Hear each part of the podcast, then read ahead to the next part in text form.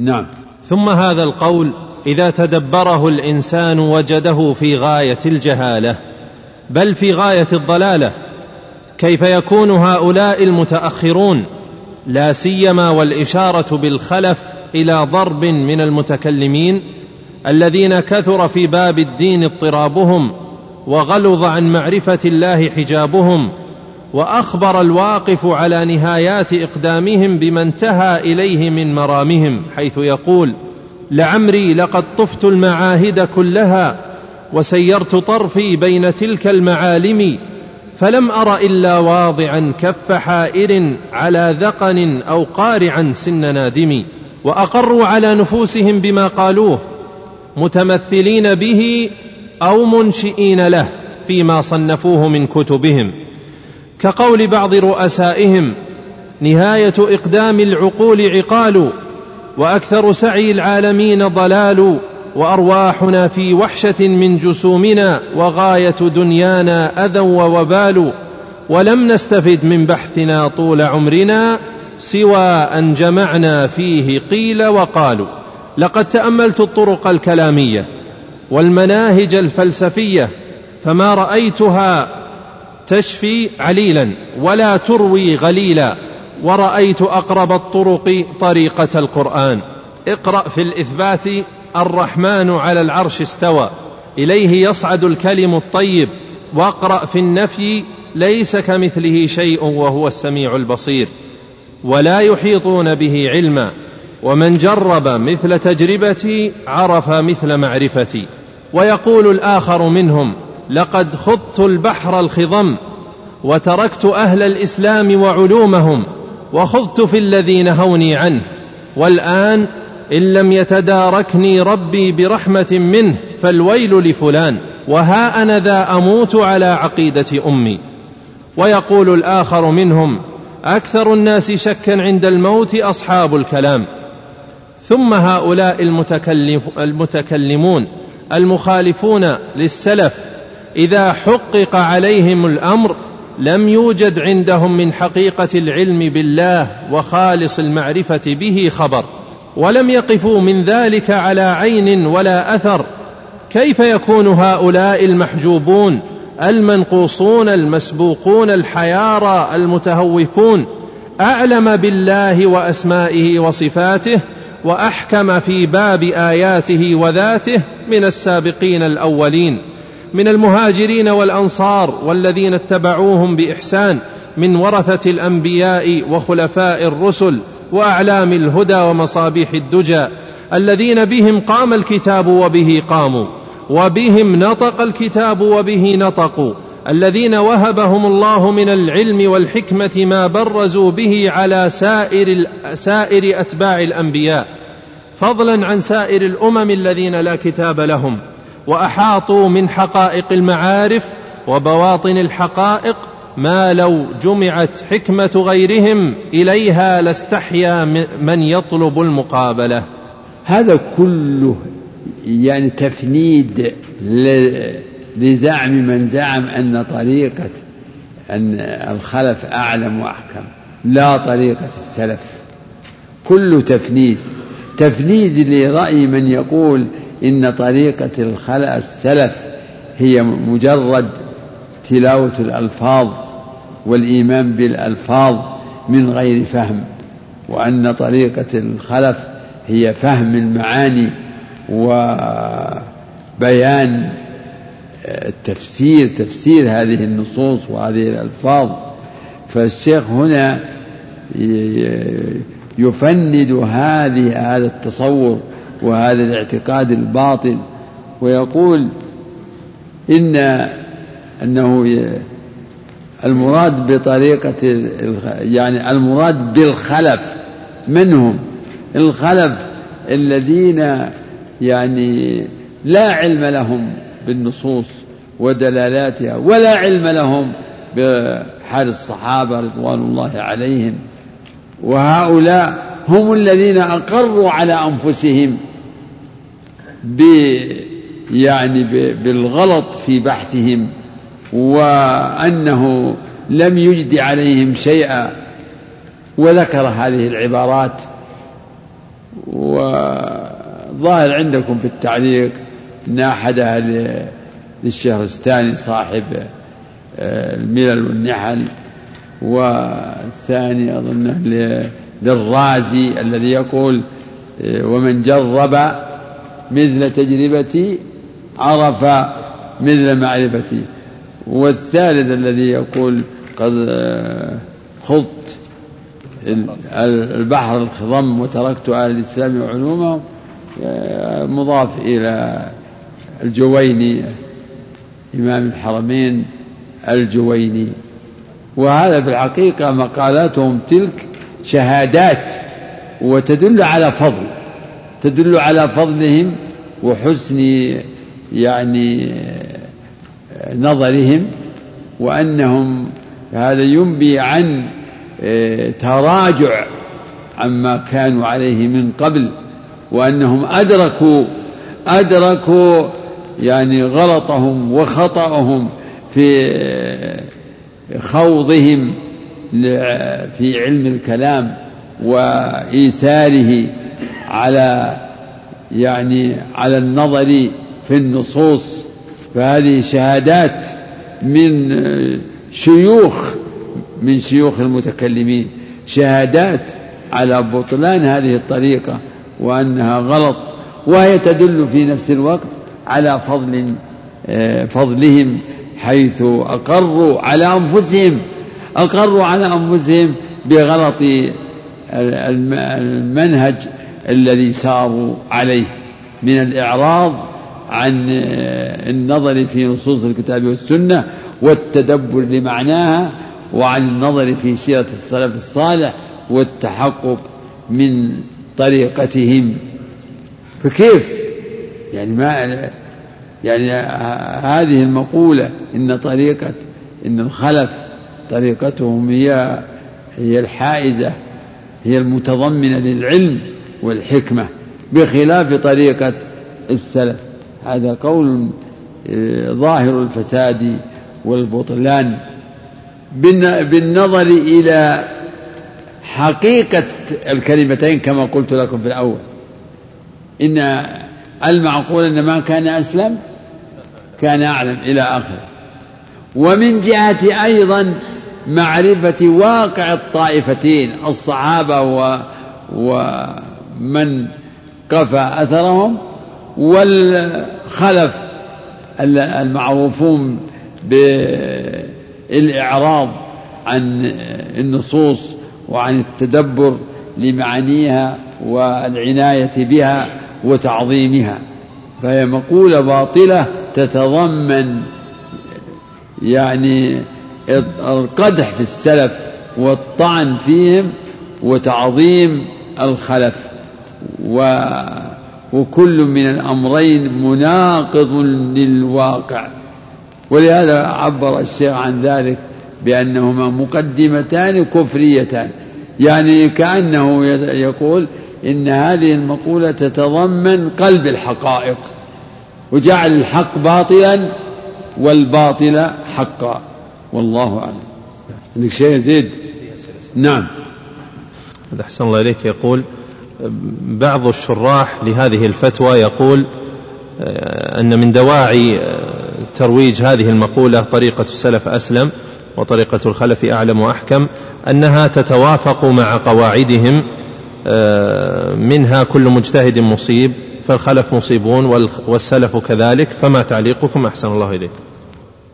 أولا إنها الكلمة هذه عرفنا إنها يعني في حقيقتها باطلة ولا وجه لها من الصحة ومن أدخلها يعني هو غالط فإن كان متعمدا فهو ضال مضل ومفتر كذاب على الشيخ وإن كان كتبها تعليقا كما ذكر وأنه قال ذلك بحسن نية فهو مخطئ ولا وجه لكلامه لا وجه لهذه العبارة من الصحة.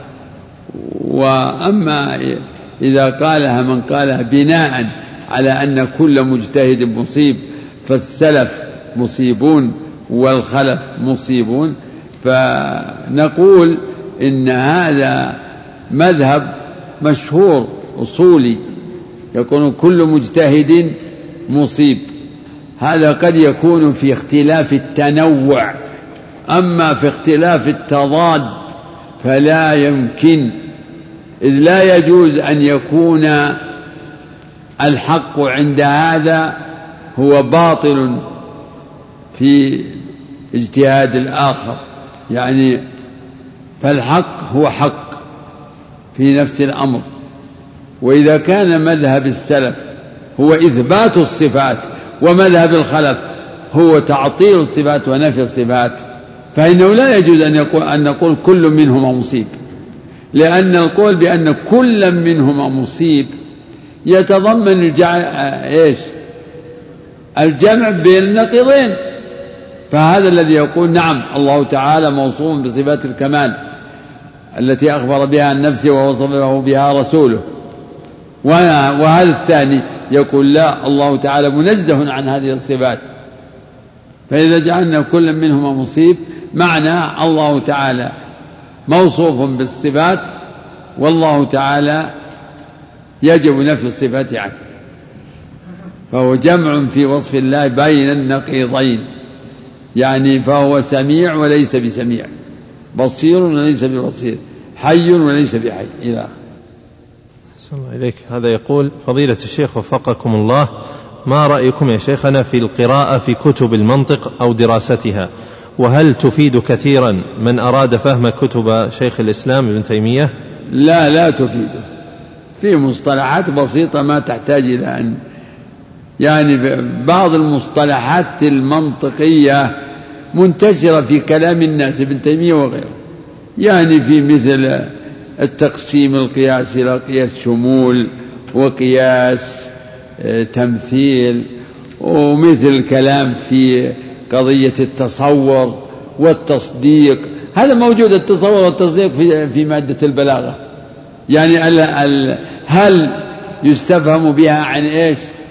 النسبة هل زيد قائم؟ هل زيد قائم؟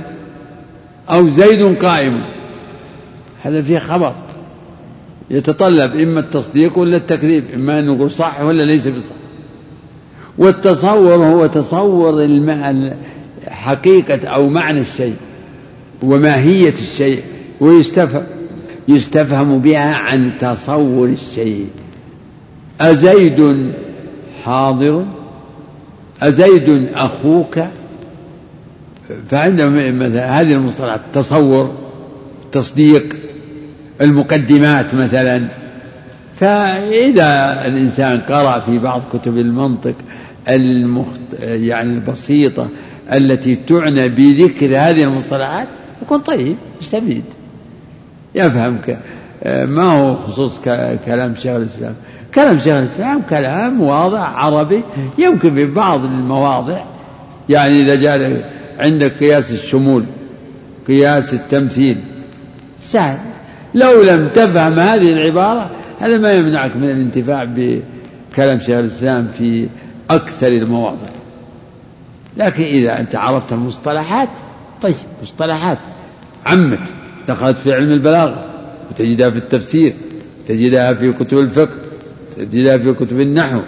مصطلحات منطقية. نعم. أحسن الله إليك. يقول السلام عليكم ورحمة الله. السلام. سؤالي فضيلة الشيخ من هم الخلف تحديدا؟ كلمة تحديدا وش تريد بها؟ ما نحدد لك من ناحية المذهب.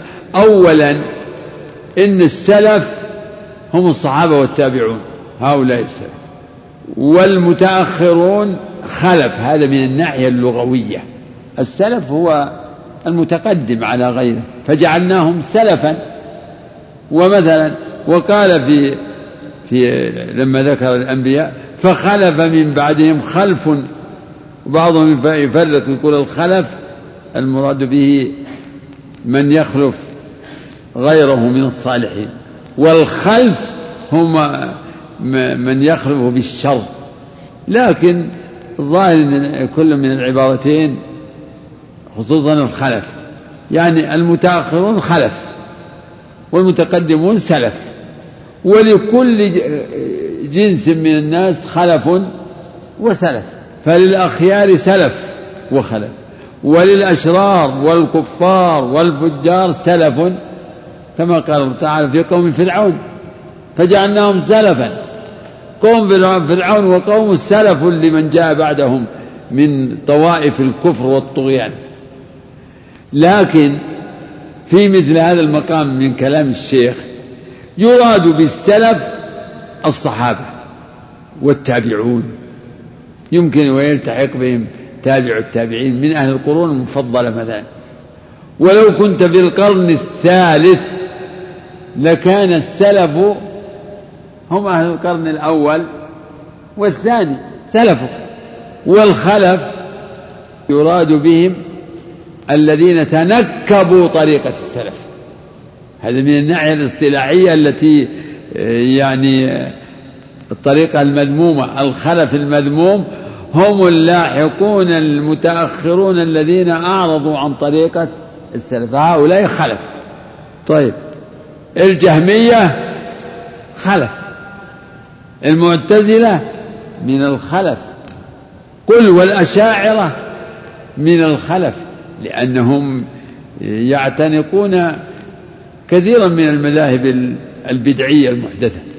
وإن كانوا خيرا من المعتزلة في في نواحي وخير من الجهمية.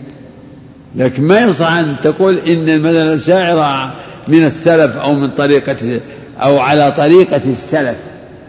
كما يسأل بعض الناس هل الأشاعرة من أهل السنة؟ نقول لا ليسوا من أهل السنة المطلقة. السنة. الذين أصولهم تخالف أصول المبتدعة أهل السنة. فأهل السنة أصولهم معروفة في باب الأسماء والصفات وفي الإيمان وفي القدر وفي الوعيد وفي الصحابة. نعم. صلى الله إليك. هذه ثلاث أسئلة آه، عن قول شيخ الإسلام رحمه الله شاركوا إخوانهم من الكافرين. هل فيه تكفير لهذه الفرق كلها تكفير معين أو تكفير لا لا الصفة لا والفعل؟ ليس تكفيرا معينا بل تكفيرا إجماليا. وأنا قلت إنه إن كان يعني الحديث مع الأشاعرة في فيريد شاركوا إخوانهم. قال إخوانهم؟ إيه؟ شاركوا إخوانهم من الكافرين إن كان على احتمال أنه يريد الأشاعرة فيريد المعتزلة والجهمية وإن كانوا لا يريد المعتزلة والجهمية فإخوانهم الفلاسفة والباطنية. نعم. هذان سؤالان عن كفر الأشاعرة وأهل الكلام.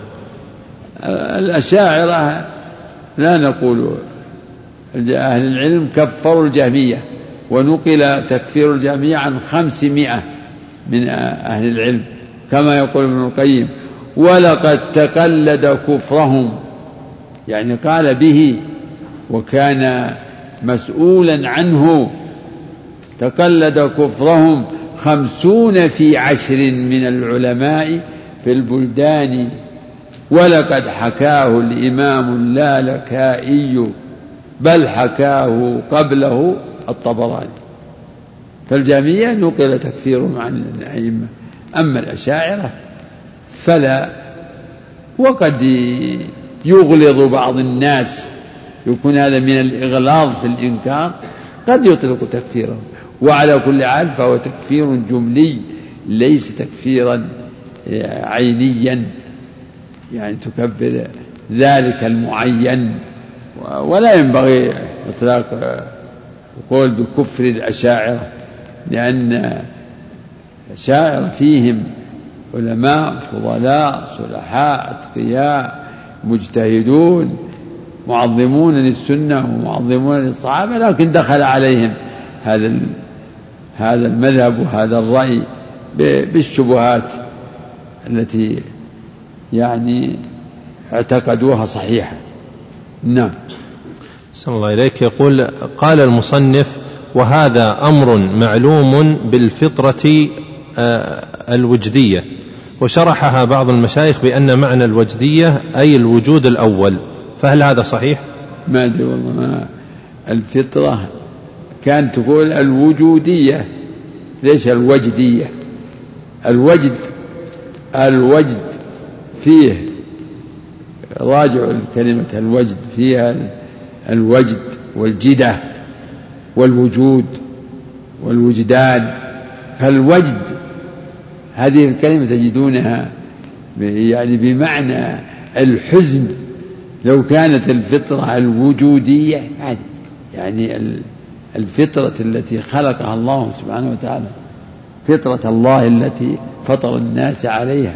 يعني الوجودية الفطرة الأولى التي فطر الله الناس عليها. كما قال صلى الله عليه وسلم ما من مولود إلا ويولد على الفطرة. نعم. يقول يا شيخ أحسن الله إليك أنا منذ ثلاث سنوات وأنا مبتلى بالعادة السرية فلم أستطع تركها فأرجو منكم النصيحة مأجورين أولا اعلم إنها حرام على الصحيح ومن أدلة ذلك قوله, فمن قوله تعالى فمن ابتغى وراء ذلك وراء الزوجة والسرية إلا على أزواجهم أو ما ملكت أيمانهم فإنهم غير ملومين يعني في الزوجة والسرية فإنهم غير ملومين. فمن ابتغى أي طلب من ابتغى وراء ذلك فأولئك هم العادون. استدل بها من ذهب إلى تحريم العادة. وأيضا حط في ذهنك إنها من أعظم الوسائل التي يمكن أن تفقد بها القدرة الجنسية. والأمر الثالث إنها من أعظم الأسباب لتوليد أحوال نفسية وأفكار ردية. نعم. أحسن الله إليك. يقول بعض الشراح قال في العبارة المقحمة إن معناها بأن طريقة السلف هو إثبات الظاهر والاستمرار عليه وطريقة الخلف إثبات ما أثبته السلف بأنواع البراهين ما رأيكم في ذلك؟ لا والله هذا تفسير باطل. لو كان طريقة السلف لو كان طريقة الخلف هذا جاء هذا التفسير ينم عن جهله بمذهب الخلف. عجيب. يعني الأولون سلف طريقتهم إثبات الصفات لكن بمجرد تدبر القرآن. والآخرون طريقتهم إثبات الصفات لكن أيضا بالأدلة القرآنية مضافا إليها أدلة عقلية. والله عظيم. وهل هذه الأدلة العقلية هذه الأدلة العقلية حسب ما زعموا ما احتاجوا لها إلا لما كان في قلق مع أن السلف حين أثبتوا ما أثبتوه أثبتوه بورود الأدلة السمعية وهم في نفس الوقت يدركون أن ما دلت عليه النصوص هو موجب العقل. يدركونه. والله يخاطب الناس بالنظر في الأمور بالعقل. أفمن يخلق كمن لا يخلق؟ ها؟ أفمن يخلق كمن لا يخلق؟ أفلا تذكرون؟ وما يستوي الأعمى والبصير؟ وما يستوي الأعمى والبصير. هذا بدهي بدهي أنهما لا يستويان. نعم. صلى الله إليك. يقول بعض أهل العلم قد يخطئ خطأ في بعض المسائل لا سيما في الولاء والبراء فهل نرد عليهم أمام الملأ أم يقول أم ننصحهم يعني؟ لا النصيحة الهادئة أرجى نفعا و وإذا كان هذا فيمكن التصحيح في مجلس آخر وبطريقة جميلة. يعني تجمع بين نصيحة المتحدث ونصيحة المستمعين لكن في وقت آخر بحيث يعني تعرض ما عندك من الكلام الذي ترى أنه هو الصواب. نعم. وهذا يسأل عن البرمجة اللغوية العصبية. والله أنا غير متصور لها لكني أتهمها بأنها يعني فيها تخليط وتلبيس برمجة العصبية. أليس ذكروا من بعض تصرفاتهم أن الواحد يمكن يمشي على الجمر؟ كذا؟ إيه سمعتم بهذا مثلي؟ آه هذا تلبيس. نعم. وهذا يسأل أحسن الله إليك يقول من هم أهل الباطن أو الباطنية؟ وهل الإباضية من الخوارج؟ الإباضية طائفة من الخوارج مشهورة معروفة من قديم. لكنه دخلت تزاوجت وتمازجت المذاهب. كالرافضة الرافضة الآن كما في كتاب ابن المطهر يعني دخلت عليهم أصول المعتزلة أو بعض أصولهم وكذلك الأشاعرة الإباضية. فتداخلت المذاهب وتلقح بعضها من بعض. آخر هذا يقول أحسن الله إليك هل يقال في عصرنا هذا سلفي؟ ممكن إذا أريد يعني بيان أن هذا الشخص ينتهي طريقة الأوائل وقال والله نعم سلفي. لكن كون يقول أنا سلفي وهذه الطائفة السلفية هذا فيه نظر يدعي. قل أنا يعني أنا من أهل السنة يعني هذا فيها سعة. فرق بين نعت الإنسان لنفسه ونعت غيره. يعني في العرف أن السلفي بالنسبة إلى السلف الأول.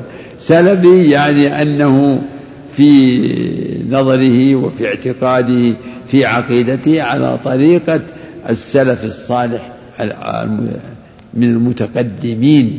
مثلا الآن يلا حنبلي وين الإمام أحمد؟ يعني يمكن طلاب الإمام أحمد في وقت يعني إطلاق الحنبلي سهل معلوم؟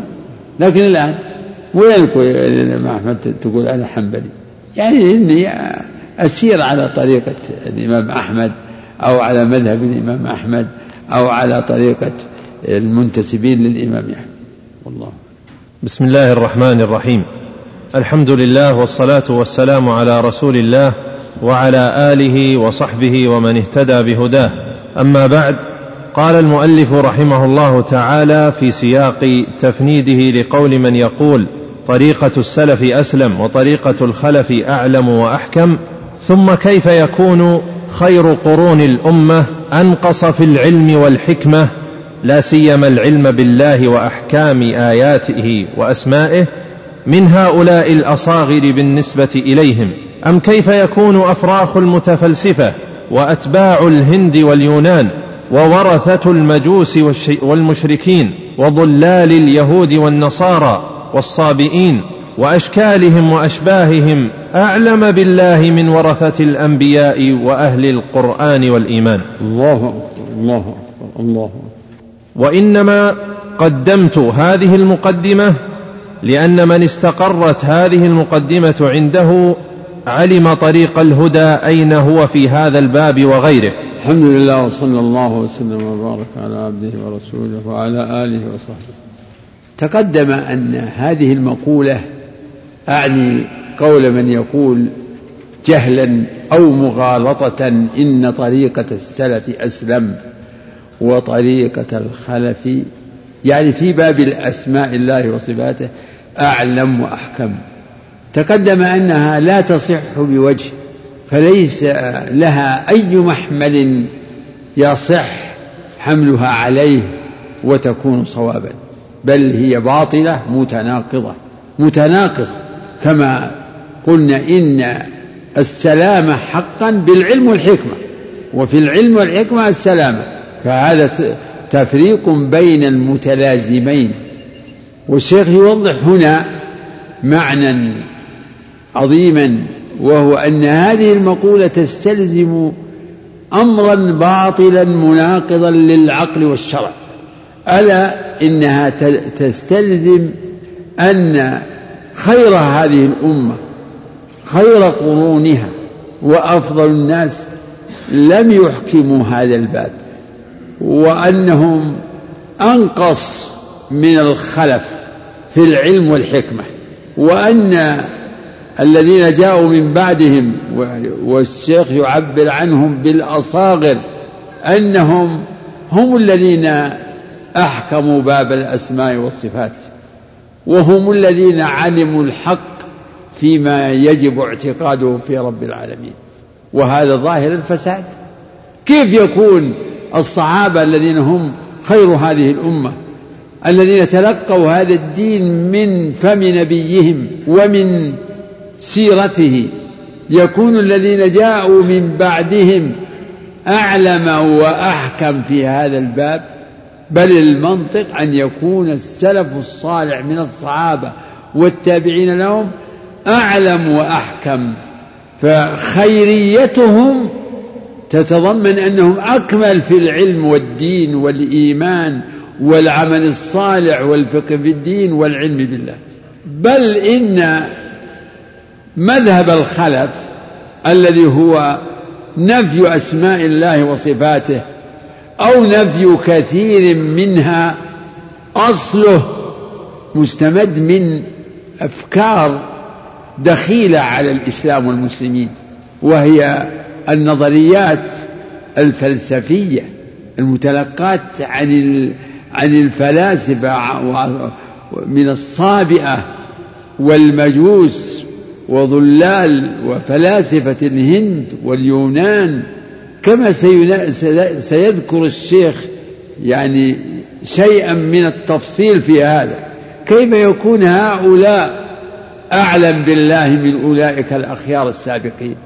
فإن المعلم الأول أرسطو هو يعني أشهر من قال بالتعطيل ونفي أسماء الله وصفاته. فهذا المذهب موروث عنه وعن شيعته وأتباعه. ومنهم ابن سينا. فإذا يعلم بهذا أن هذه المقولة تستلزم معنى باطلا مناقضا للعقل والشرع. وخلاصة ذلك أن مضمونها أن خيار هذه الأمة أفضل قرونها أنهم أنقص ممن جاء بعدهم من أولئك الأصاغر. المنقوصين في علمهم بالله فكيف مع الفلاسفة الملاحدة؟ وكل ما تقدم يعده الشيخ مقدمة. هذه المقدمة تأملوها واقرأوها مرة بعد مرة. يعني تضمنت ما يجب على العبد في في جميع مسائل الدين الاعتقادية والعملية. الواجب هو ما قال الله ورسوله وما مضى عليه السلف الصالح. وتضمنت أدلة عقلية على أن الرسول بين الدين كله وما يتعلق بالله من باب أولى. يعني أدلة عقلية على أن الرسول قد بين ما يجب على الأمة اعتقاده في ربهم. وأيضا أدلة عقلية على أن الصحابة قد عرفوا الحق في ذلك وأن كل ما خالف ما كانوا عليه من الاعتقادات والأعمال فإنه باطل لأنهم هم الذين تلقوا هذا الدين وقاموا به علما وعملا وجهادا وفقها وتقدم في هذه المقدمة تفنيد هذه المقولة و وما بنيت عليه من الجهل والكذب والباطل مبنية تقدم إن مبنية على إن طريقة السلف هي إمرار النصوص ألفاظا من غير فقه. تقدم أن هؤلاء أن من قال ذلك فقد جمع بين الجهل بطريقة السلف والكذب عليه والجهل والضلال بتصويب طريقة الخلف.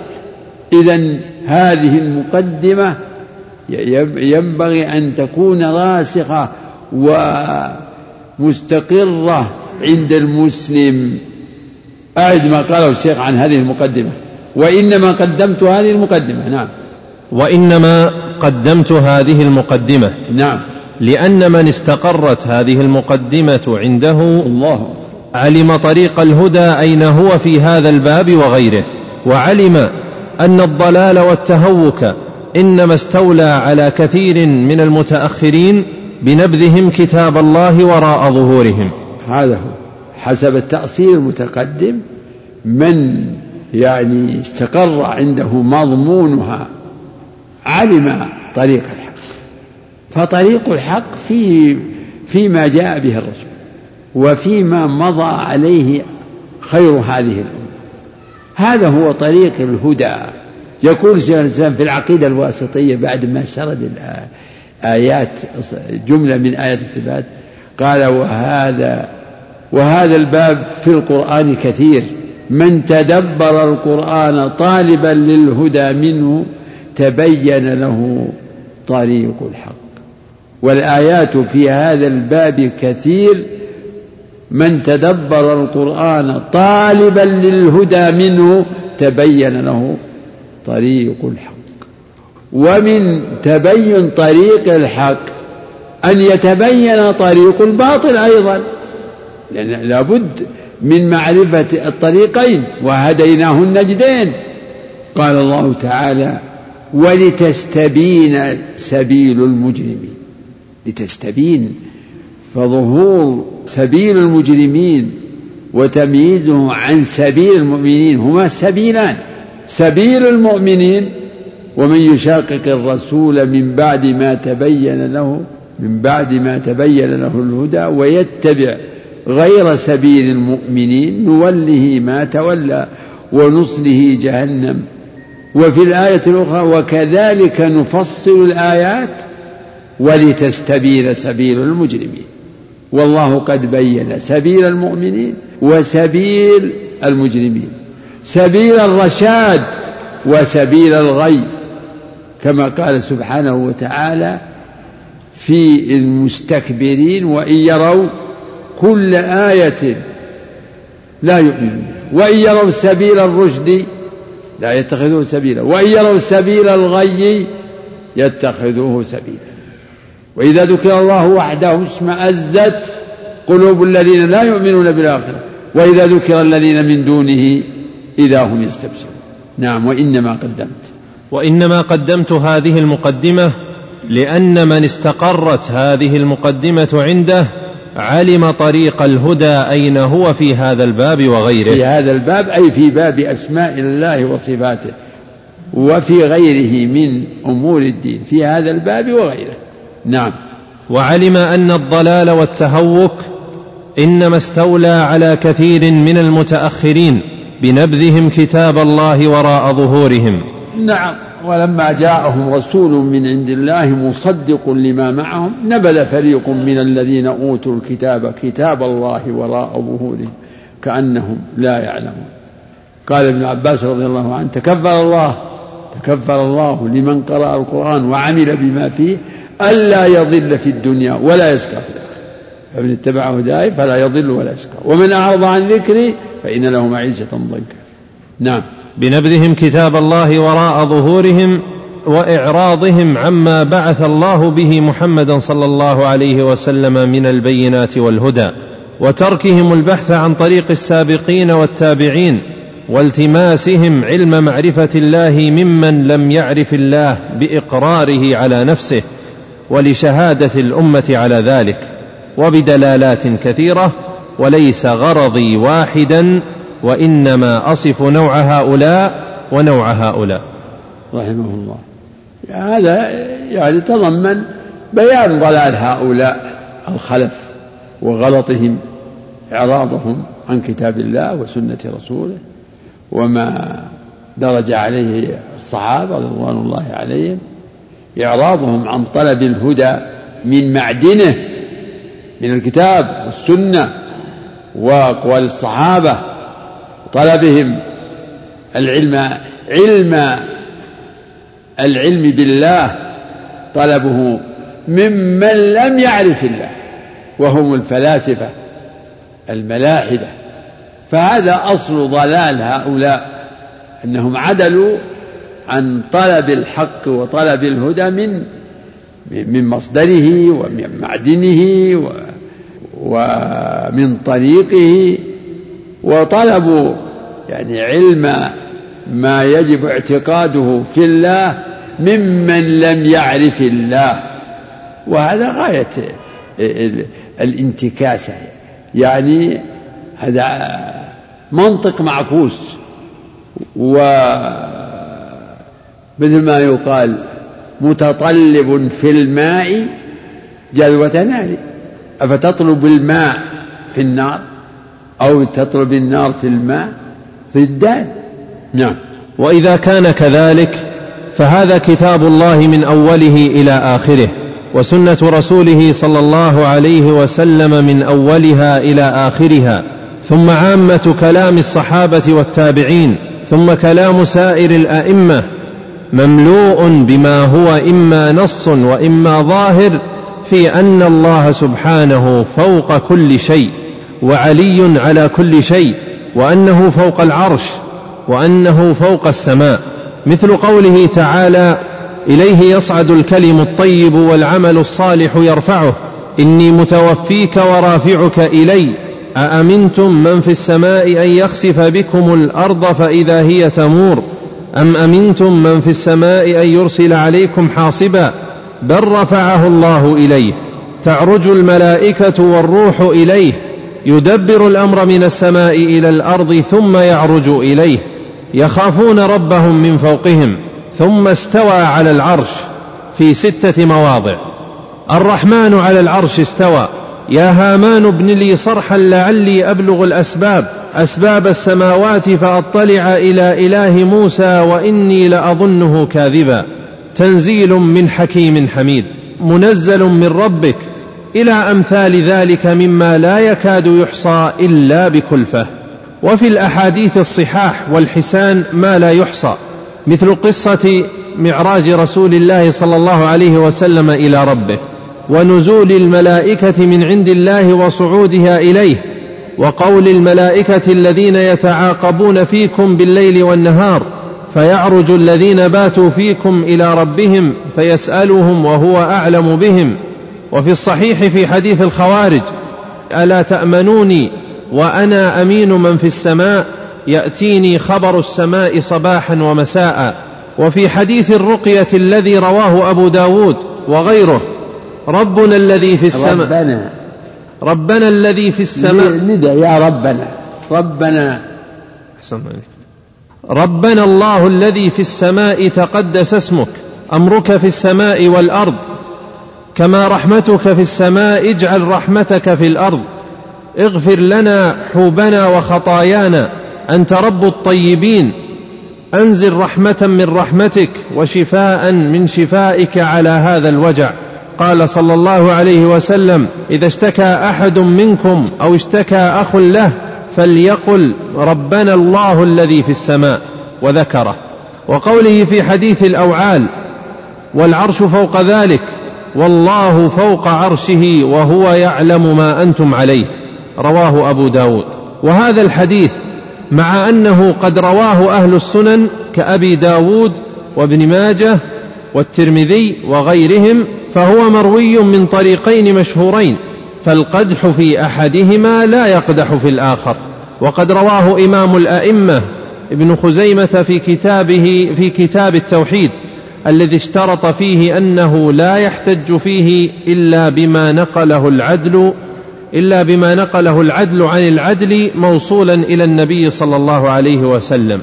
وقوله في الحديث الصحيح للجارية أين الله؟ قالت في السماء. قال من أنا؟ قالت رسول الله. قال أعتقها فإنها مؤمنة. وقوله في الحديث الصحيح إن الله لما خلق الخلق كتب في كتاب موضوع عنده فوق العرش إن رحمتي سبقت غضبي. وقوله في حديث قبض الروح حتى يعرج بها إلى السماء التي فيها الله. إسناده على شرط الصحيحين.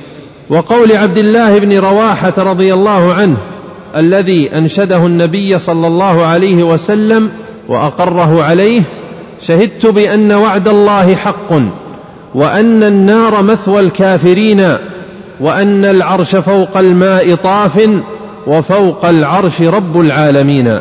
وقول أمية بن أبي الصلت الثقفي الذي أنشد للنبي صلى الله عليه وسلم هو وغيره من شعره فاستحسنه وقال آمن شعره وكفر قلبه مجدوا الله فهو للمجد أهل.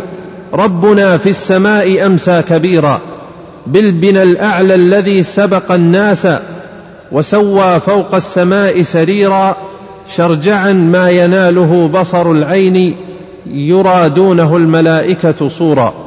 ترى. لا ترى ترى.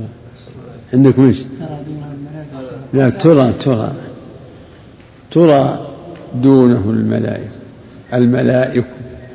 ترى دونه الملائكة صورة نعم. ترى دونه الملائك صورا.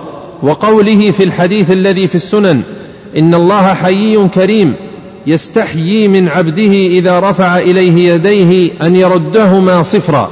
وقوله يمد يديه إلى السماء يا رب يا رب. وقوله يمد يديه إلى السماء يا رب يا رب. إلى أمثال ذلك مما لا يحصيه إلا الله مما هو من أبلغ المتواترات اللفظية والمعنوية التي تورث علما يقينيا من أبلغ العلوم الضرورية أن الرسول صلى الله عليه وسلم المبلغ عن الله ألقى إلى أمته المدعوين أن الله سبحانه فوق العرش وأنه فوق السماء كما فطر الله على ذلك جميع الأمم عربهم وعجمهم في الجاهلية والإسلام إلا من اجتالته الشياطين عن فطرته.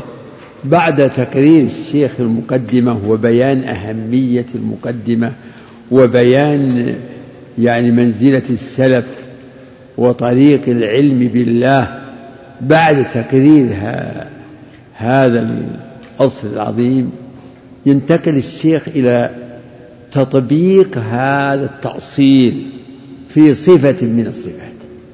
يعني الكلام الأول عام في كل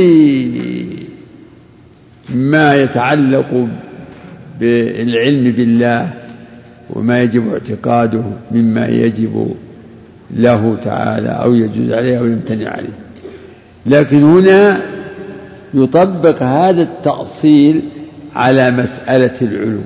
لأن هناك مسائل في باب الأسماء والصفات يعني وقع فيها اختلاف خاص وخوض خاص مثل مسألة العلو ومسألة الكلام. يعني هاتان مسألتان يعني فيهما يعني كلام كثير من الجانبين. يعني من المثبتين ومن النفاة حتى تعلمون أنه قد صنف صنفت مصنفات في العلو وصنفت مصنفات في الكلام في إثبات الكلام لله والرد على المعطلة نفاة الكلام والرد على المعطلة نفاة العلو. الشيخ يقول إذا تقرر هذا فإنه قد دل الكتاب والسنة والآثار على إثبات علو الله. والنصوص في هذا كثيرة. يقول هذه النصوص أحيانا نريد بالنصوص يعني الأدلة النقلية مطلقا التي تدل إما نصا وإما ظاهرا على أنه تعالى فوق العرش وأنه فوق السماوات وأنه العلي الأعلى. النص عند الأصوليين وما لا يحتمل إلا معنى واحدا. والظاهر هو ما يحتمل معنيين لكنه أظهر في أحدهما. فيقول إن الكتاب والسنة مملوءان من مما يدل إما نصا وإما ظاهرا على هذه المسألة. مسألة علو الله. واستوائه على عرشه. مسألة العلو قد برهن عليها أهل السنة بالأدلة العقلية والأدلة السمعية. فهي من الصفات التي تضافرت عليها. العلو هو من الصفات التي تضافرت عليها كل أنواع الأدلة. الكتاب كما سمعتم جملة من النصوص ومن السنة و وما يتبع ذلك من الآثار. عن الصحابة والتابعين والأئمة والإجماع والعقل والفطرة. كل هذه قد تضافرت على إثبات علو الله على خلقه. علوه يعني بذاته لأن العلو ثلاثة أنواع. علو القدر وعلو القهر وعلو الذات. أما علو القدر وعلو القهر فهذا لا لا خلاف فيه بين طوائف وإنما الخلاف في علو الذات. فأهل السنة والجماعة من الصحابة والتابعين يقرون بأنه تعالى نفسه فوق السماء فوق العرش مستو على عرشه. وأما المعطلة من الجامية ومن تبعهم فإنهم يقولون لا هذا يستلزم التجسيم. يعني القول بأن الله بذاته فوق العرش يستلزم التجسيم أن الله جسم وإلى آخره. والجسم تعلمون أنه ما ورد إثباته ولا نفيه في القرآن ولا في السنة. فلا يجوز إطلاقه إطلاق النفي ولا الإثبات. لكن عندهم أن أن الله ليس بجسم. فيقول هذا يستلزم التجسيم طيب فماذا عسى أن يقولوا عن الله إذا نفوا العلو؟ يكون أي منهم من يقول إنه حال في كل مكان في كل مكان. وهؤلاء هم يعني الجهمية الأولى الذين رد عليهم الإمام أحمد وقال إن هذا يستلزم آه، تنقص الرب والتغير في ذاته. يلزم أن يكون في كذا وفي كذا في في الأماكن التي التي يؤنف من ذكرها في الحشوش وفي كذا وفي بطون الحيوانات دام في كل مكان. هؤلاء الحلولية. يقال لهم الحلولية يعني آه القائلون بالحلول العام وهو أن الله أن ذاته سبحانه وتعالى حالة في كل شيء. والقول الثاني لبعض المتأخرين يقولون تعالى الله عن قولهم إنه لا داخل العالم ولا خارجه هذا هذا يعني حقيقته وحكمه في العقل إيش؟ لا لا العدم ما دام لا داخل العالم ولا خارجه هل له يصير وجود؟ ما فيه الشيء الموجود لابد إما أن يكون في داخل العالم أو في خارج العالم. فلهذا الشيخ الآن ركز على مسألة العلو شدد فذكر الآن جملة من النصوص القرآنية وجملة من من الأحاديث وسيذكر أقوالا مروية في هذا آثار عن الصحابة عن التابعين تابع التابعين.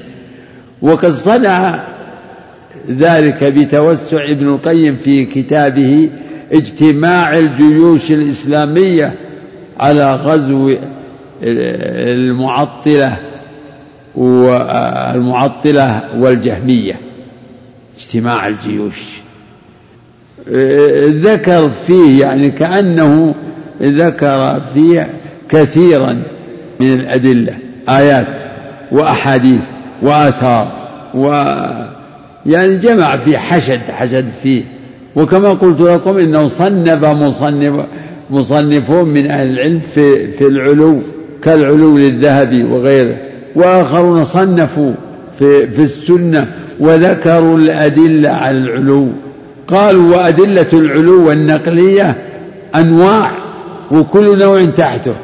فمن يعني أنواع الأدلة النقلية على علو الله مثلا الإخبار بأنه مستو على العرش وهذا قد جاء في سبعة مواضع من القرآن ومنها التصريح بالعلو المطلق وهو العلي العظيم فكم في القرآن من ذكر هذا الاسم؟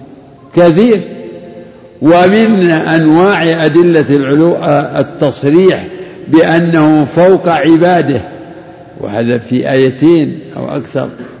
ومن التصريح بعروج بعض المخلوقات إليه تعرج الملائكة والروح إليه في يوم. ومن التصريح بنزول بعض الأمور من عنده القرآن تنزيل الكتاب من الله من الله تنزيل الكتاب من الله العزيز الحكيم من الله العزيز العليم. تنزيل من الرحمن الرحيم. نزل به الروح الأمين. قل نزله الروح القدس من ربك. كلها من أنواع أدلة العلو وذكر الشيخ أيضا أحاديث من قصة المعراج هي من أدلة العلو فإنها كلها دلت على أن الرسول أسري به من مكة من البيت من المسجد الحرام إلى المسجد الأقصى. ثم عرج به إلى السماء ووصل إلى ما شاء الله من العلا. وأحاديث أخرى وأخرى وأخرى كرقية المريض. وقول للجارية أين الله؟ يعني من من أنواع أدلة العلو الإخبار بأن الله في السماء. في السماء يعني في العلو. ليس المقصود أنه في السماء مثل ما تقول الملائكة في السماء. الملائكة في السماء لها مدلول. يعني أنهم في السماء يعني ملائكة في سماء الدنيا وفوقهم السماء الثانية. وملائكة في السماء الثانية وكذا وكذا وكذا. ولكن إذا قيل الله في السماء فالمراد أنه في العلو المطلق الذي ليس فيه ليس فيه شيء إلا الله في العلو. واقرأوا في هذا المعنى في التدمرية القاعدة الرابعة.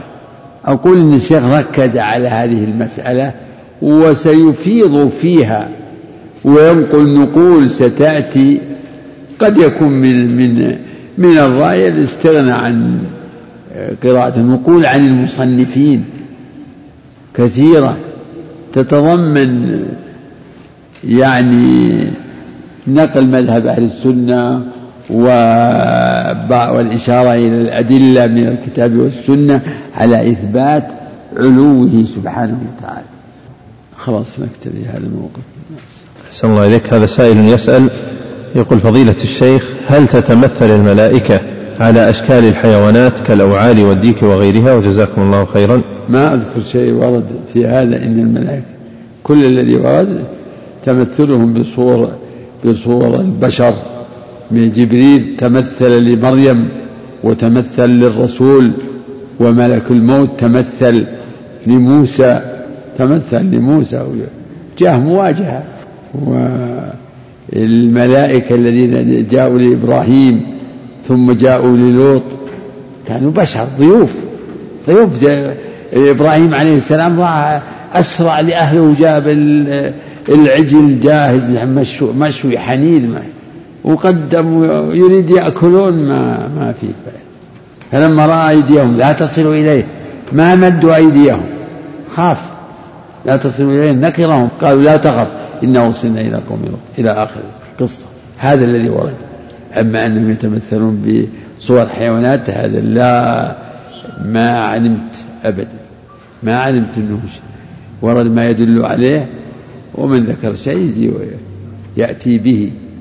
ولكن بعض الملائكة قد يكون خلق على صورة نوع من الحيوان. من الأصل ما هو تمثل خلق هكذا. فإنه جاء في الحديث المشهور حديث يعرف عند العلماء بحديث الأوعال يقول وفوق ذلك يعني فوق السماء السابعة أو ما فوق أربعة أوعال ما بين أضلافها وركبها كذا وكذا. فهذا ما هو بتمثل هكذا خلقوا لهم صور تشبه تشبه يعني نوع من المشابهة في وإلا شاء أمرهم فوق ما يخطر بالبال غير. وفي شعر أمية بن ابن أبي الصلت الذي نقل الشارح شيئا منه. فيه إشارة إلى حملة العرش وأن وأنهم يعني منهم من هو على صورة كذا صورة رجل وآخر على صورة ثور إلى آخره. نعم سؤال آخر. انتهينا. أحسن الله إليك. هذا سائل من الجزائر يقول أحسن الله إليكم. يوجد في بلادنا بعض الشباب المستقيمين إذا أراد الزواج كلما رأى فتاة متجلببة آه، نظر إليها وتتبعها إلى مسكنها بغرض خطبتها وهذا الفعل يوقعهم في بعض الأحيان بتتبع نساء متزوجات ومخطوبات وقد يراه زوجها أو خطيبها وإذا نهوا عن ذلك استدلوا بحديث جابر فما نصيحته؟ جابر ما تتبع أي امرأة. حديث جابر فيه أنه يعني لما نصحه الرسول لينظر إليها يقول كنت أتخبأ لها. هي معروفة معينة. أما أنه يجري خلف كل امرأة هذا مثار للتهمة. ثم كما ذكرتم في السؤال أي امرأة متجلببة هذه وعدها متزوجة وهذه كذا وهذه. فهو نعم إذا عرف إنها يعني تمكن خطبتها يمكن أن يتعرف من بعد أيضا. إذا تبعها يمكن تصل حول تحوم حوله الشبهة يمكن ما يأمن. لكن إذا عرف وينبغي أنه يتعرف يعني بالسؤال حتى يذكر له إن, إن الأسرة الفلانية عندهم فتاة ملتزمة مستقيمة يذهب يخطب منهم ويأخذ بالأسباب التي يقدر بها على رؤيتها إما باتفاق وهو متيسر عند كثير من الأسر في بعض البلدان متيسر أنه يروح ينظر إليها. المقصود أن هذه الطريقة يعني فيها غلط كما ذكر السائل تكون متزوج يروح يقول عندكم بنت؟ يقول ما عندنا بنات. ما عندنا. هذه هذه التي وقع عليها النظر هذه أم أم عيال مثلا. نعم. يقول فضيلة شيخنا حفظكم الله ادعو لنا بالثبات على دين الله.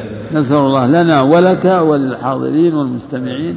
نسأل الله أن يثبتنا وإياكم بالقول الثابت في الحياة الدنيا وفي الآخرة. هذا مهم.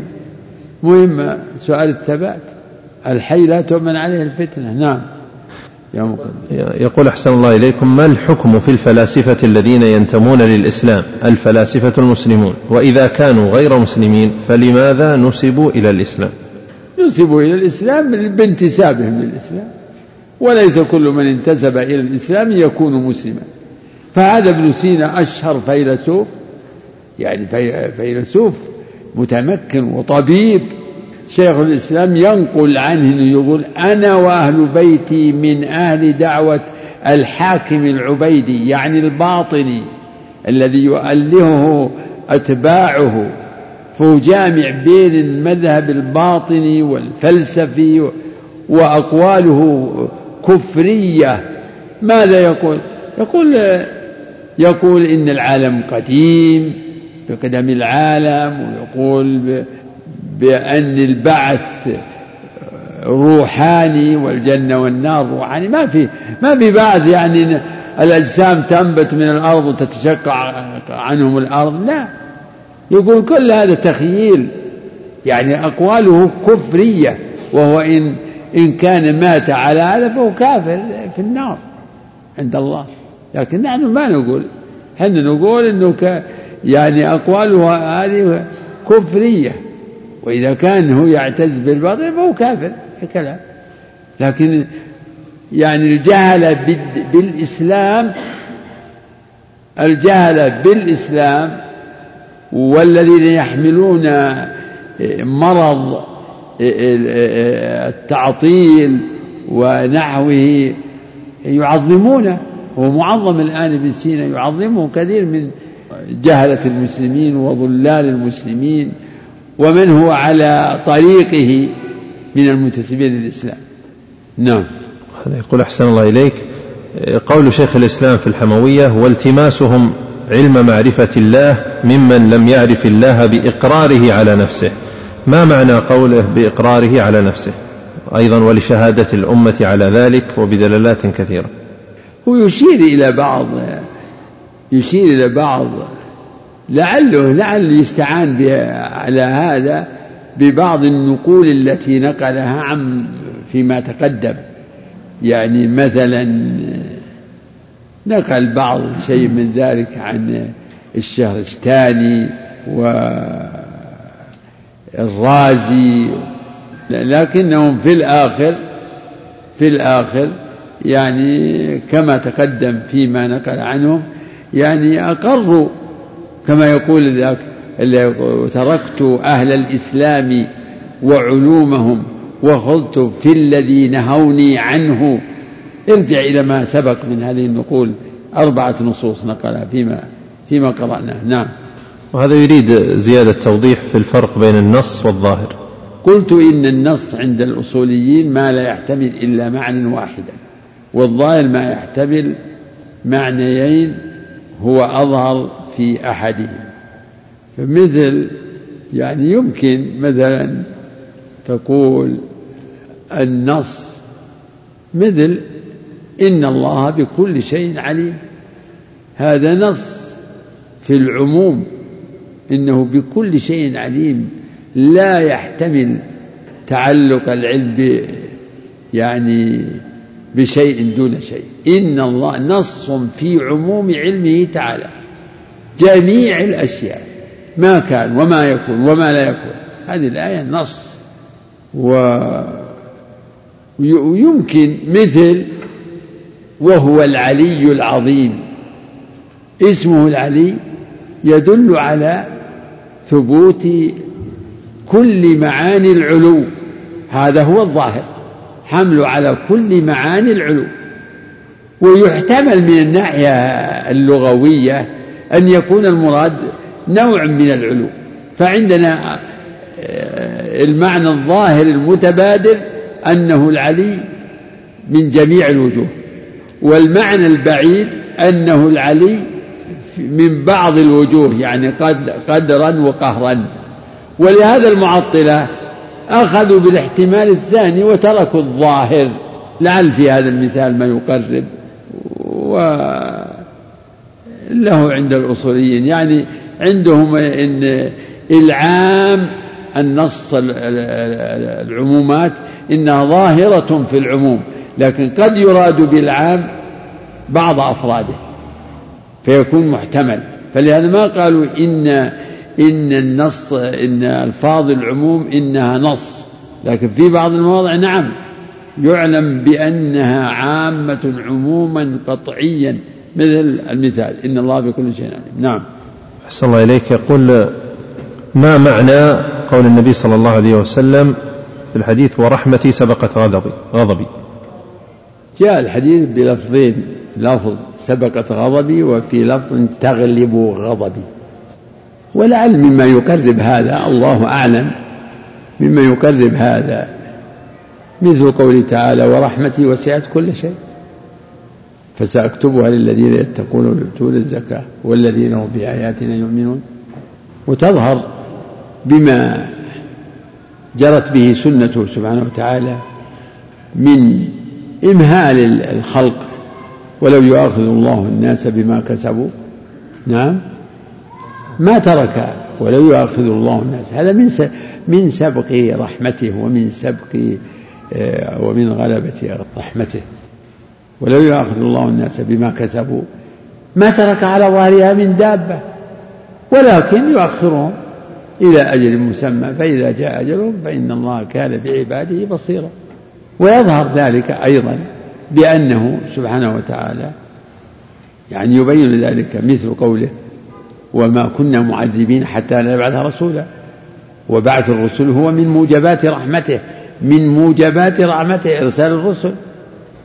فهذه بعض الأمور التي توضح سبق رحمته لغضبه.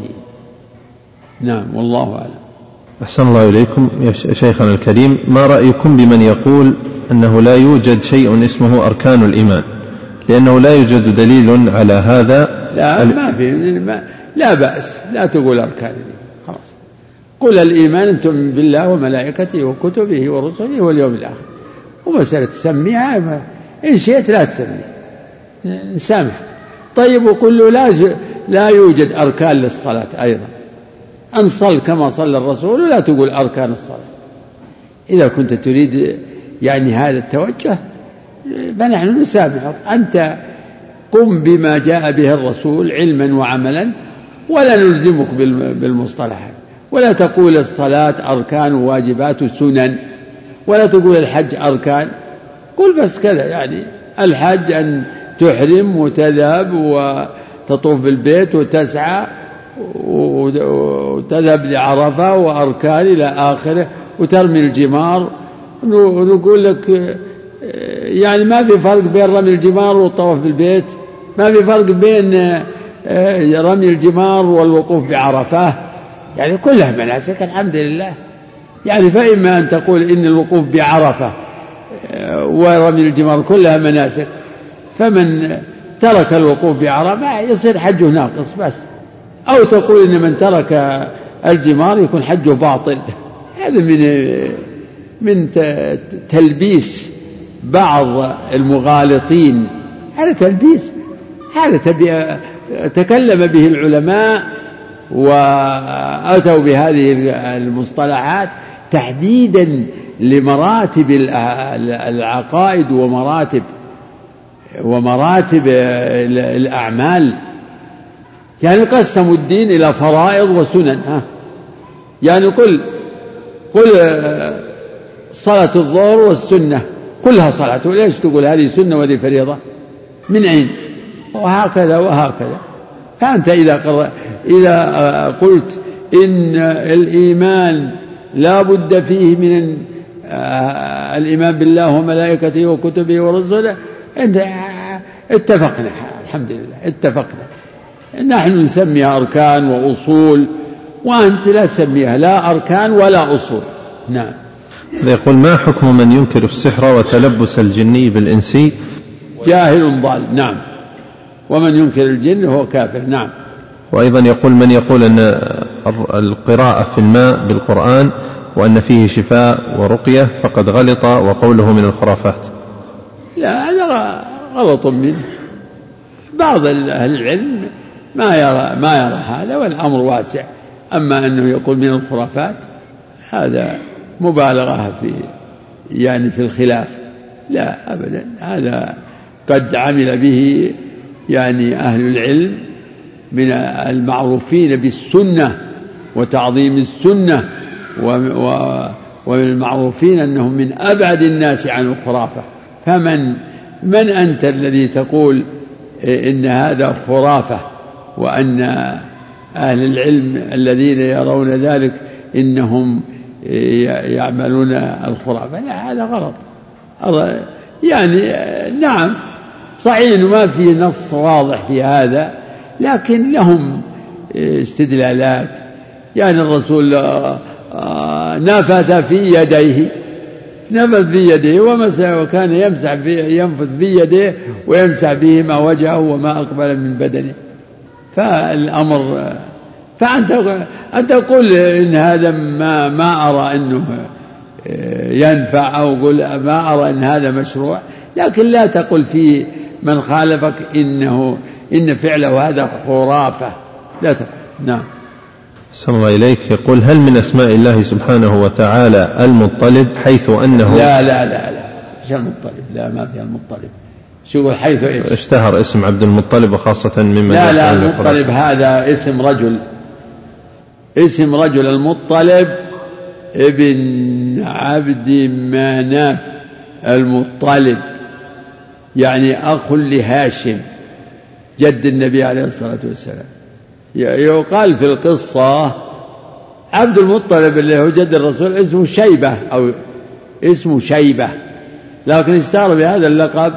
قالوا إنه سافر به عمه المطلب إلى المدينة إلى أخواله في المدينة. وقد تغيرت تغير لون بشرته بالسواد.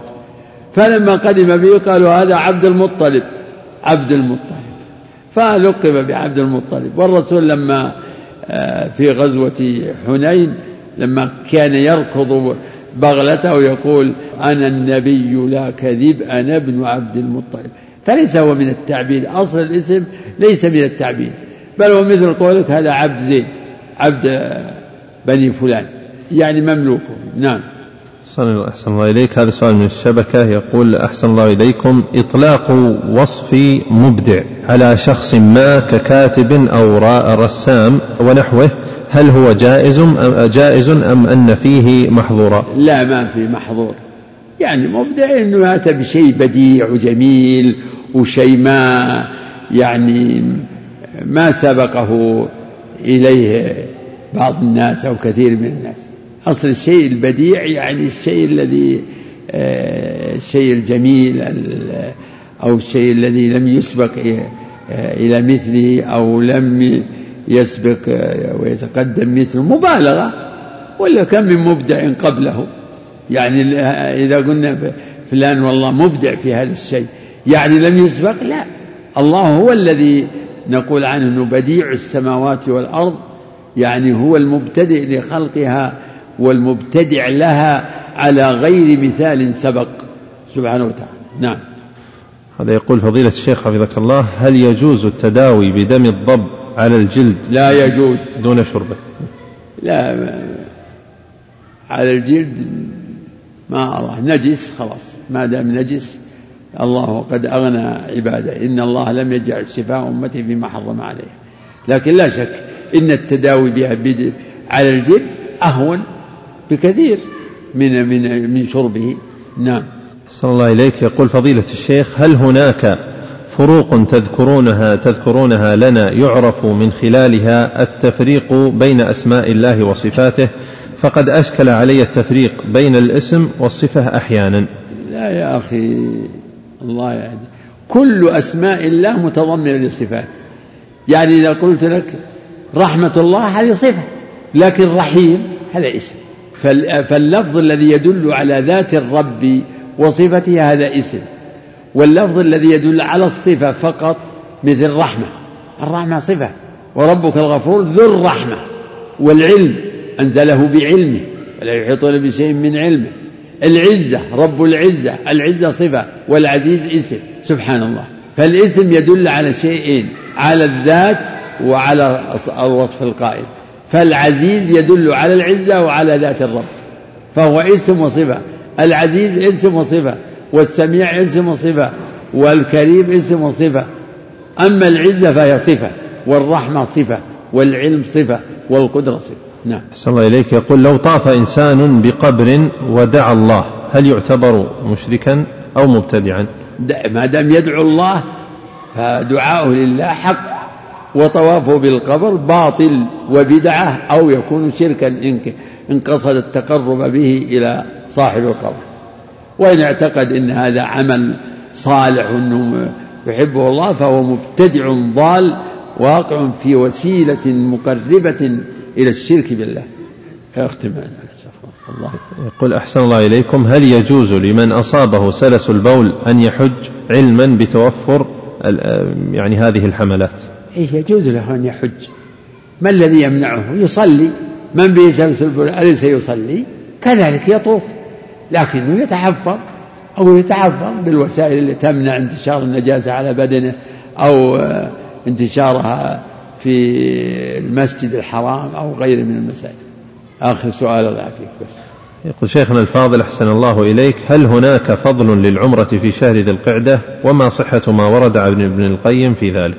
كذا يقول ابن القيم لكن ما هو ظاهر كلام ابن القيم. ابن القيم يقول إنها فضيلة لأن الرسول جميع عمره كانت في ذي القعدة. هذا هو الأصل الذي بنى عليه رأيه واختياره. والله أعلم بالصواب. نعم. بارك الله فيكم. بسم الله الرحمن الرحيم. الحمد لله والصلاة والسلام على رسول الله وعلى آله وصحبه ومن اهتدى بهداه. أما بعد قال المؤلف رحمه الله تعالى بعد أن ذكر أدلة علو الله جل وعلا من الكتاب والسنة ثم عن السلف في ذلك من الأقوال ما لو جمع لبلغ مئات أو ألوفا. ثم ليس في كتاب الله ولا في سنة رسول الله ولا في سنة رسول الله صلى الله عليه وسلم ولا عن أحد من سلف الأمة لا من الصحابة والتابعين ولا عن أئمة الدين الذين أدركوا زمن الأهواء والاختلاف حرف واحد يخالف ذلك لا نصا ولا ظاهرا. ولم يقل أحد منهم قط إن الله ليس في السماء ولا أنه ليس على العرش ولا أنه بذاته في كل مكان ولا أن جميع الأمكنة بالنسبة إليه سواء ولا أنه لا داخل العالم ولا خارجه ولا متصل ولا منفصل ولا أنه لا تجوز الإشارة الحسية إليه بالإصبع ونحوها بل قد ثبت في الصحيح عن جابر بن عبد الله رضي الله عنه أن النبي صلى الله عليه وسلم لما خطب خطبته العظيمة يوم عرفات في أعظم مجمع حضره رسول الله صلى الله عليه وسلم جعل يقول ألا هل بلغت؟ فيقولون نعم. فيرفع أصبعه إلى السماء وينكبها إليهم ويقول اللهم اشهد غير مرة وأمثال ذلك كثير. ذكر الشيخ فيما تقدم بعض الأدلة من الكتاب والسنة على علوه تعالى على خلقه واستوائه على عرشه وهي ولله الحمد واضحة الدلالة على المطلوب دالة على ما استدل بها أهل السنة عليه. بعد ذلك أشار إلى أن أنه قد روي أيضا آثار عن السلف عن الصحابة والتابعين وتابعيهم. تتضمن ذلك يعني تتضمن إثبات أنه تعالى في السماء وأنه فوق العرش وأنه عال على خلقه وأن هذا كثير في كلام السلف. يقول لو جمع لبلغ ألوفا كثير واقتصر على هذا وسيشير فيما سيأتي إلى بعض المصنفات التي تضمنت ذكر دلائل العلو والفوقية ولكنه أيضا بعد ذكره لهذه الأدلة يقول ولا يوجد في كتاب الله ولا في سنته. يعني في المقابل يعني آه الكتاب والسنة والآثار كلها متضافرة على إثبات علو الله على خلقه واستواء على عرشه. يقول وليس في الكتاب ولا في السنة ولا في المأثور عن السلف والأئمة الذين أدركوا أيام ظهور هذه البدع بدعة التعطيل. ليس في ذلك حرف واحد. لا نصا ولا ظاهرا. ليس فيه حرف واحد. يخالف الأدلة الدالة على علو الله على خلقه إذا فالأدلة متضافرة ومتظاهرة على إثبات علو الله على خلقه واستوائه على عرشه. وليس في الكتاب ولا في السنة ولا في كلام السلف والأئمة ما يخالف ذلك ويعارضه لا نصا ولا ظاهرا النص في اصطلاح الأصوليين ما لا يحتمل إلا معنى واحدا. والظاهر ما يحتمل معنيين وهو في أحدهما أظهر. ثم الشيخ يؤكد هذا يقول ولا يوجد في كلامهم العبارات الموجودة في كلام المتكلمين. ليس لم يؤثر عن واحد من السلف شيء من هذه العبارات. ليس في لم يؤثر عن أحد منهم أنه قال إن الله ليس في السماء أو ليس فوق العرش أو أنه بذاته في كل مكان أو كما يقول بعضهم إنه ليس بعض المخلوقات أقرب إليه من بعض. وهذه العبارات للمتكلمين من من الجهمية والمعتزلة بل والأشاعرة فإن الأشاعرة مذهبهم نفي العلو هذه العبارات يطلقها بعضهم. ولا أنه تعالى لا داخل العالم ولا خارجه ولا متصل ولا منفصل ولا محايث ولا مجانب.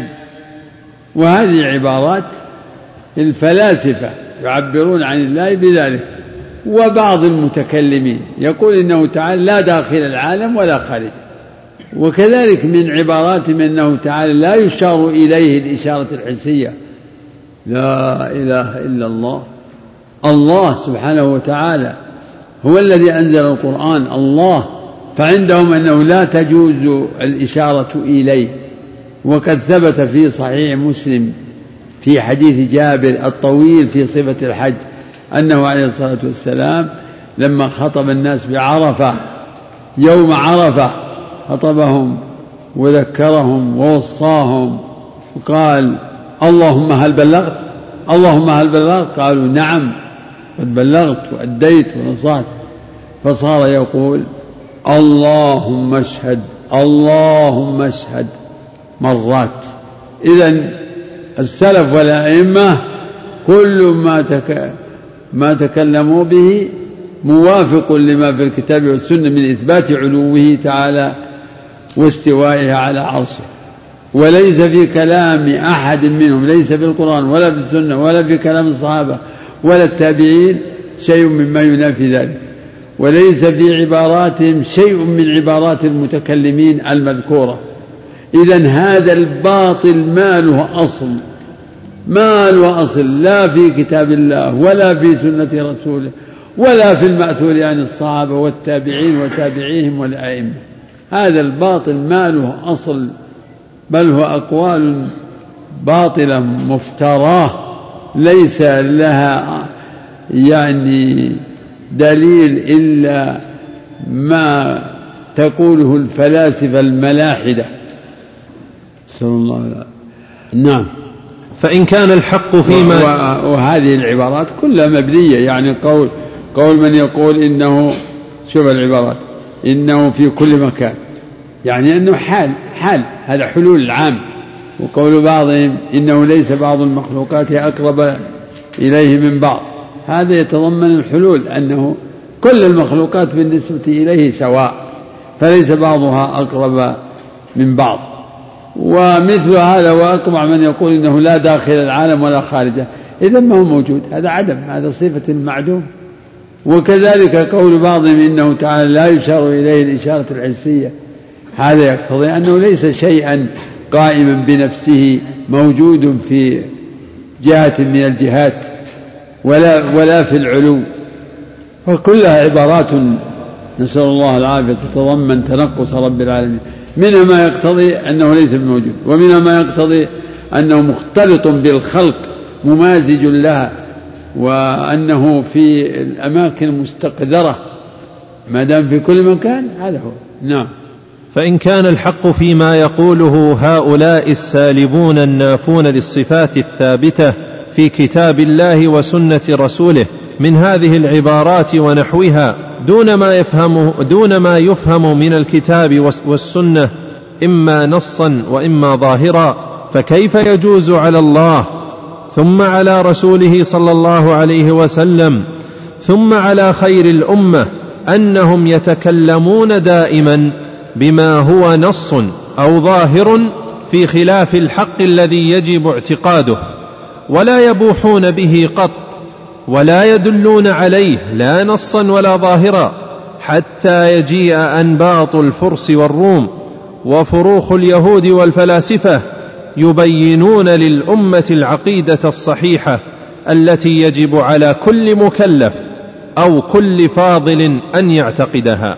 لئن كان ما يقوله هؤلاء لئن كان ما يقوله هؤلاء المتكلمون المتكلفون هو الاعتقاد الواجب وهم مع ذلك أحيلوا في معرفته على مجرد عقولهم وأن يدفعوا بمقتضى قياس عقولهم ما دل عليه الكتاب والسنة نصا أو ظاهرا لقد كان ترك الناس بلا كتاب ولا سنة أهدى لهم وأنفع على هذا التقدير بل كان وجود الكتاب والسنة ضررا محضا في أصل الدين الله كلام عظيم. وصين هذا يتناسب مع ما قرره في المقدمة التي قال عنها وإنما قدمت هذه المقدمة لأن من عرفها عرف طريق الهدى من طريق الضلال. يقول الشيخ في ضوء ما تقدم لئن كان ما يقوله هؤلاء المتكلمون المتكلفون لئن كان ما يقولونه في رب العالمين من العبارات السابقة ومن قولهم إن الرسول لم يبين ما يجب اعتقاده لئن كان هذا هو الحق في الواقع ونفس الأمر فإنه يلزم على هذا أن الرسول صلى الله عليه وسلم هو وأصحابه لم يتكلموا بهذا الحق ولم يبينوه. لا نصا ولا ظاهر. وهذا ظاهر الفساد لأنه يتضمن الطعن في الرسول وأنه لم يبين الحق للأمة فلم يقل يوما من الدهر الأمر كذا أو كذا أو كذا. بل يقول الشيخ على هذا التقدير إن ما يقوله هؤلاء المتكلمون هو الحق.